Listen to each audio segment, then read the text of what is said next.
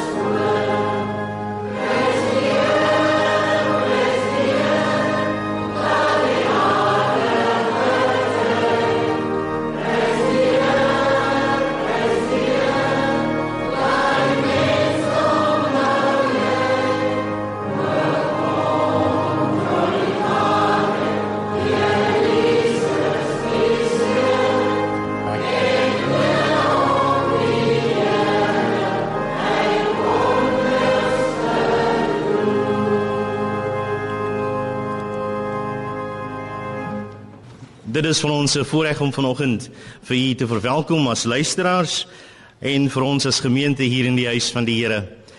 Dit is my gebed dat as ons vanoggend sal luister na die woord van die Here, ons hiervandaan sal huis toe gaan en aan die einde van die preek die seëning van die Here sal beleef. Die tema van vanoggend se boodskap is as mense na God luister. Die eerste 3 verse het ons geneem as die teksgedeelte, maar dit is eintlik die hele eerste 11 verse wat ons kan gebruik uh vir hierdie boodskap vanoggend. As mense na God luister, gebeur daar wonderlike dinge met jou. Die profeseë in die Bybel is deur God aan ons gegee vir een enkele rede en dit is dat mense daarna moet luister. As jy luister na die blye boodskap, is daar groot seën vir jou. As jy nie luister na die goeie tyding nie, dan kan jy geen seën kry nie. Dan is dit vir jou van geen waarde totdat jy daarna sal luister. Maar deesdae lyk dit asof die hele reddingsdrama of reddingsplan van God gevaar loop om maar net 'n dowwe kinderverhaal te word.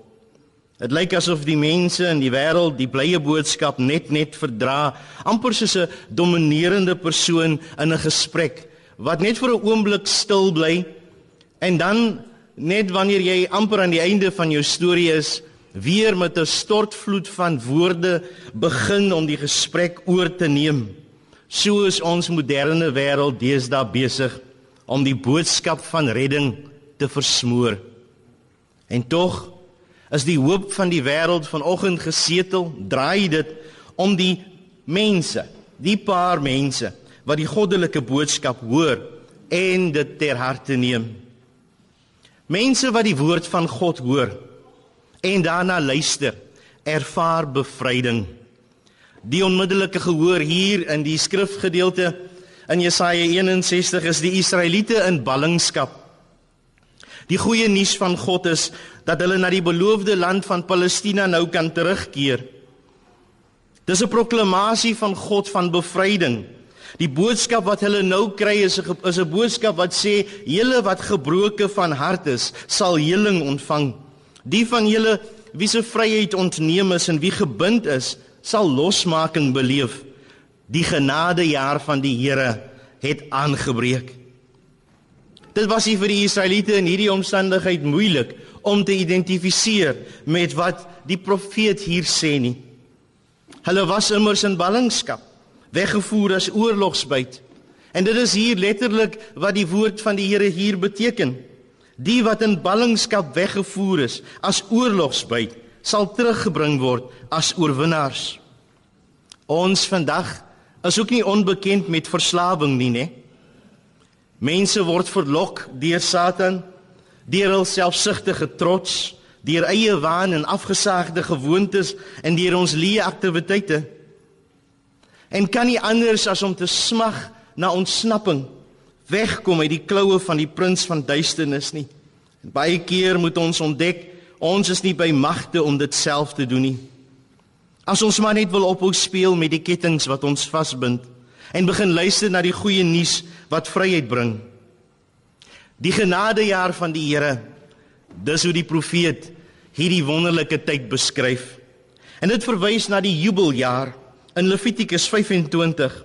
Hierdie jubeljaar het elke 50 jaar voorgekom. Dit was 'n tipiese messiaanse era. Dit het begin op die dag van verzoening en dit is aangedui gewoonlik met die skril trompetgeskal van die silwer trompette van die priesters. Van uit elke uithoek van die wêreld of van daardie tyd vanaf dan tot Berseba dan nou is dit aangekondig. Die essensie van hierdie boodskap was: jy is vry. Al jou skuld is betaal. Dis gekanselleer. Julle wat julleself moes verkoop as slawe om julle skuld te betaal, julle is nou vry. Julle wie in die skande gekom het sodat julle familie eiendom moes verkoop, julle familie eiendom is weer in julle hande. Julle wie aan ander behoort het, behoort nou weer aan jouself. Trots word herstel, eer word gebring, skande word weggeneem die jubeljaar het aangebreek. Hierdie jubeljaar was God se manier om van tyd tot tyd vir mense 'n nuwe kans op 'n nuwe begin te gee. Vir diegene wie oorwin is, vir diegene wie deur die omstandighede van die dag en deur die omstandighede van die lewe vernietig is, aan skerwe geslaan is. Vir hulle is daar weer 'n nuwe begin. Maar as ons kyk na die geskiedenis van Israel, dan is daar maar baie min bewyse dat hierdie jubeljaar eintlik toegepas is. Later het dit maar net 'n skadu geword van wat die Here bedoel het. Want die bepalinge van die jubeljaar het vir die mense so onsinnig, so swaar of tog so ontoepaslik gelyk. Maar die hart brand mos altyd vir vryheid om dit wat verkeerd is reg te maak.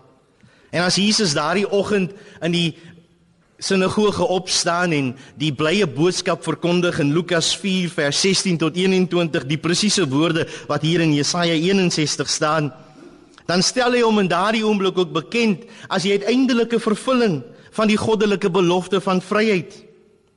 Jesus wil daar vir mense sê hierdie woord is nou in vervulling. Die jubeljaar word moontlik in Christus. Dit is hy wat die bande van Satan en sonde verbreek. Dit is hy wat mense vrymaak. As mense na God luister, dan beleef hulle vryheid op 'n wonderlike wyse. As mense na God luister, dan beleef hulle nie net vryheid nie, maar kry ook vrede. Jesaja doen 'n beroep op die wat gebroken is van hart. Letterlik beteken dit hier die mense wie se harte aan skerwe lê. Mense wie se harte stikkend is. Jy sien, as jy jou been breek, dan kan jy hom weer spalk of laat spalk. Dit sal 'n bietjie pyn veroorsaak, maar dit kan genees. As jy jou arm breek, dan kan ons dit weer in gips sit en dit kan weer genees. Maar met 'n gebroke hart is dit 'n ander storie. Is dit dan nie Whitney Houston wat gesê het, "Where do broken hearts go?" Of die mense wat uit die era van die Gees kom sal onthou, hulle vra ook, "How can you mend a broken heart. Ek wil vanmôre vir jou sê slegs die genade van God kan 'n gebroke hart weer genees. Maar wat laat 'n hart breek? Wat maak dat dit in stukke spat? Wat 'n soort hou of slag breek 'n hart? Daar is helaas baie antwoorde. Daar is baie omstandighede wat soms die een op die ander op jou ophoop totdat jou hart wanhoopig in stukkies spat. Angs kan jou hart leeglaat.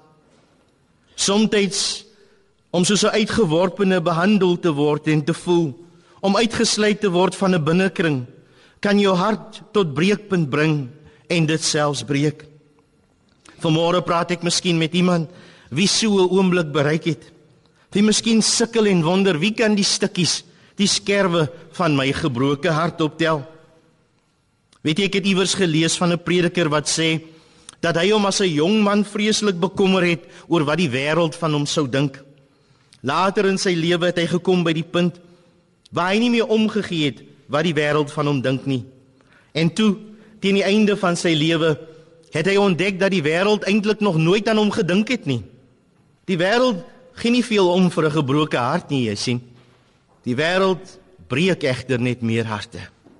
Ek wil vanmôre vir u sê, 'n gebroke hart word geheel met die teenwoordigheid en die koms van vrede. Jy diagnoseer eintlik 'n gebroke hart deur die afwesigheid van innerlike vrede. Solank die hart nog vrede het, is dit nie heeltemal stikkend nie. Dan kan ons soos in Namakwalanders vrede vat, soos hulle sê. Al is jou omstandighede moeilik. Maar as jou hart beroof is van vrede, As jou hart beroof is deur sonde en die deur vervloekende skuldgevoelens wat daarmee saamgaan, dan is dit moeilik om daardie hart weer te heel. God se vredesboodskap van môre en God se vredesoffer wat hy gee weg van al die storms van die lewe is nie 'n kaartjie weg daarvan nie. Inteendeel, dis 'n oproep tot 'n doelgerigte lewe.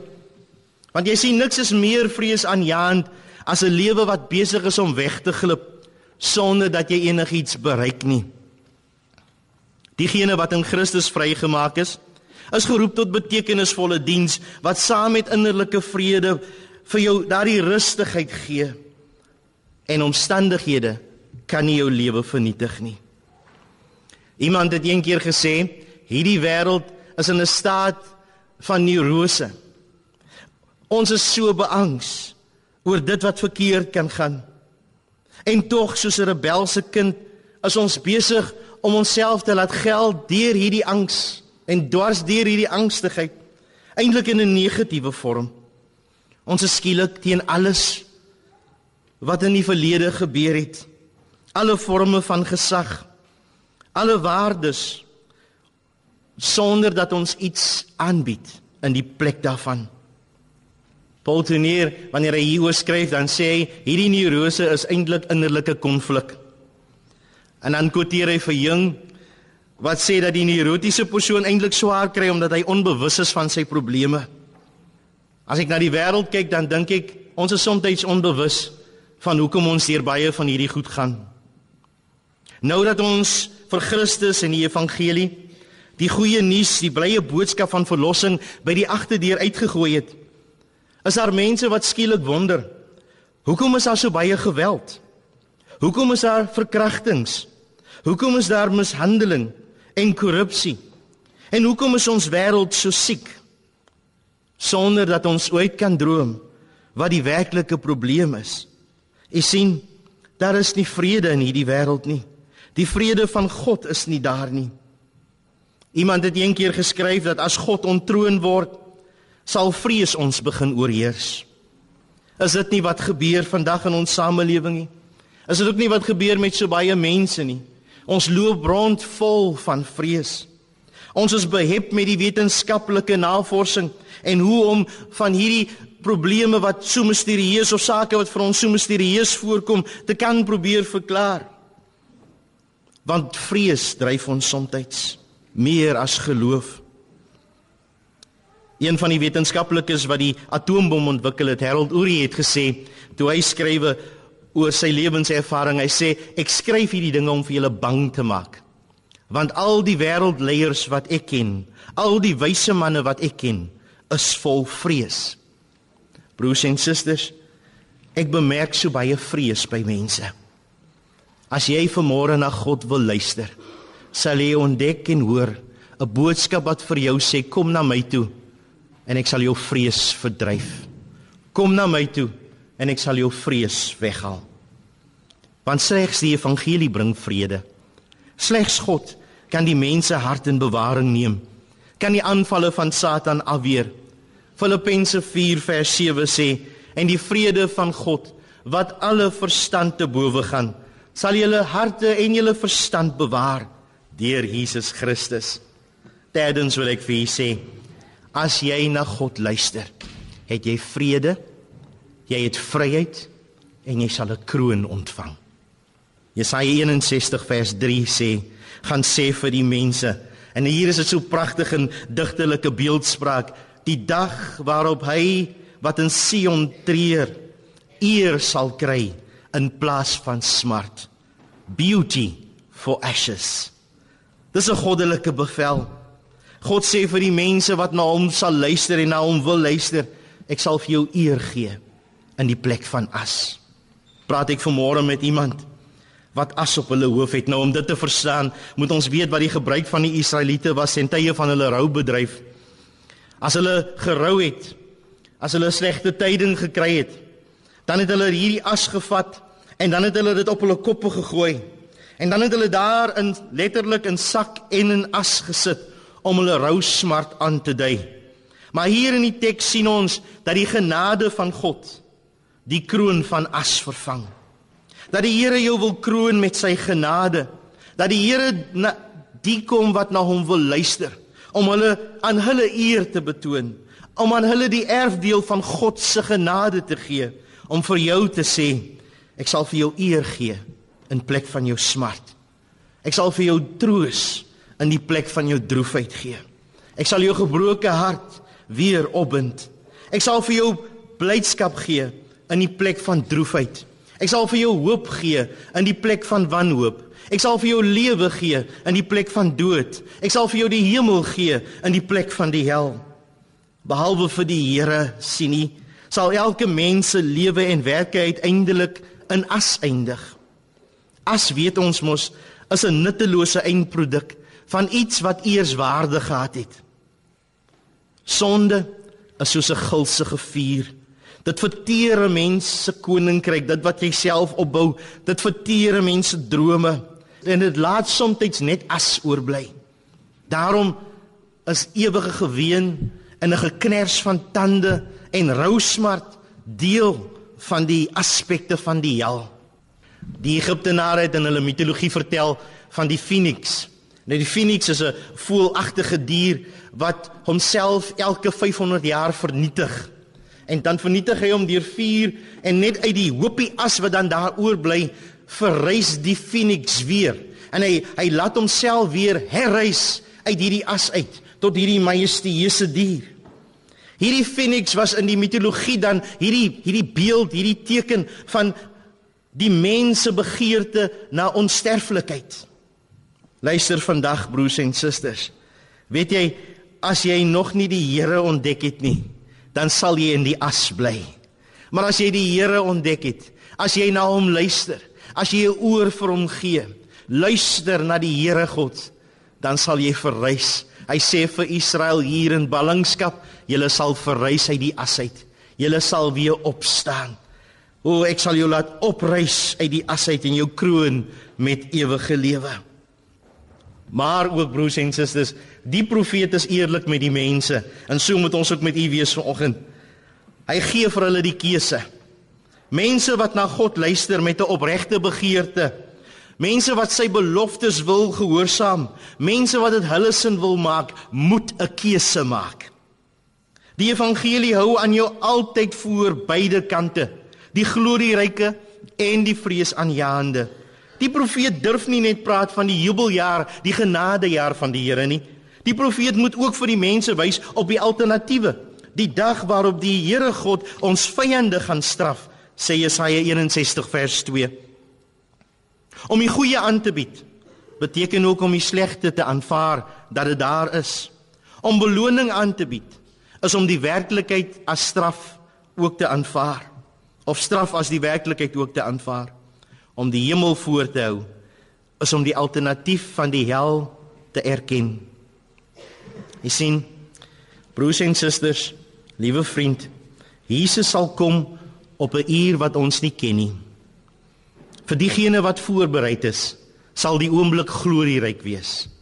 Vir die wat onvoorbereid is, sal dit rampspoedig wees.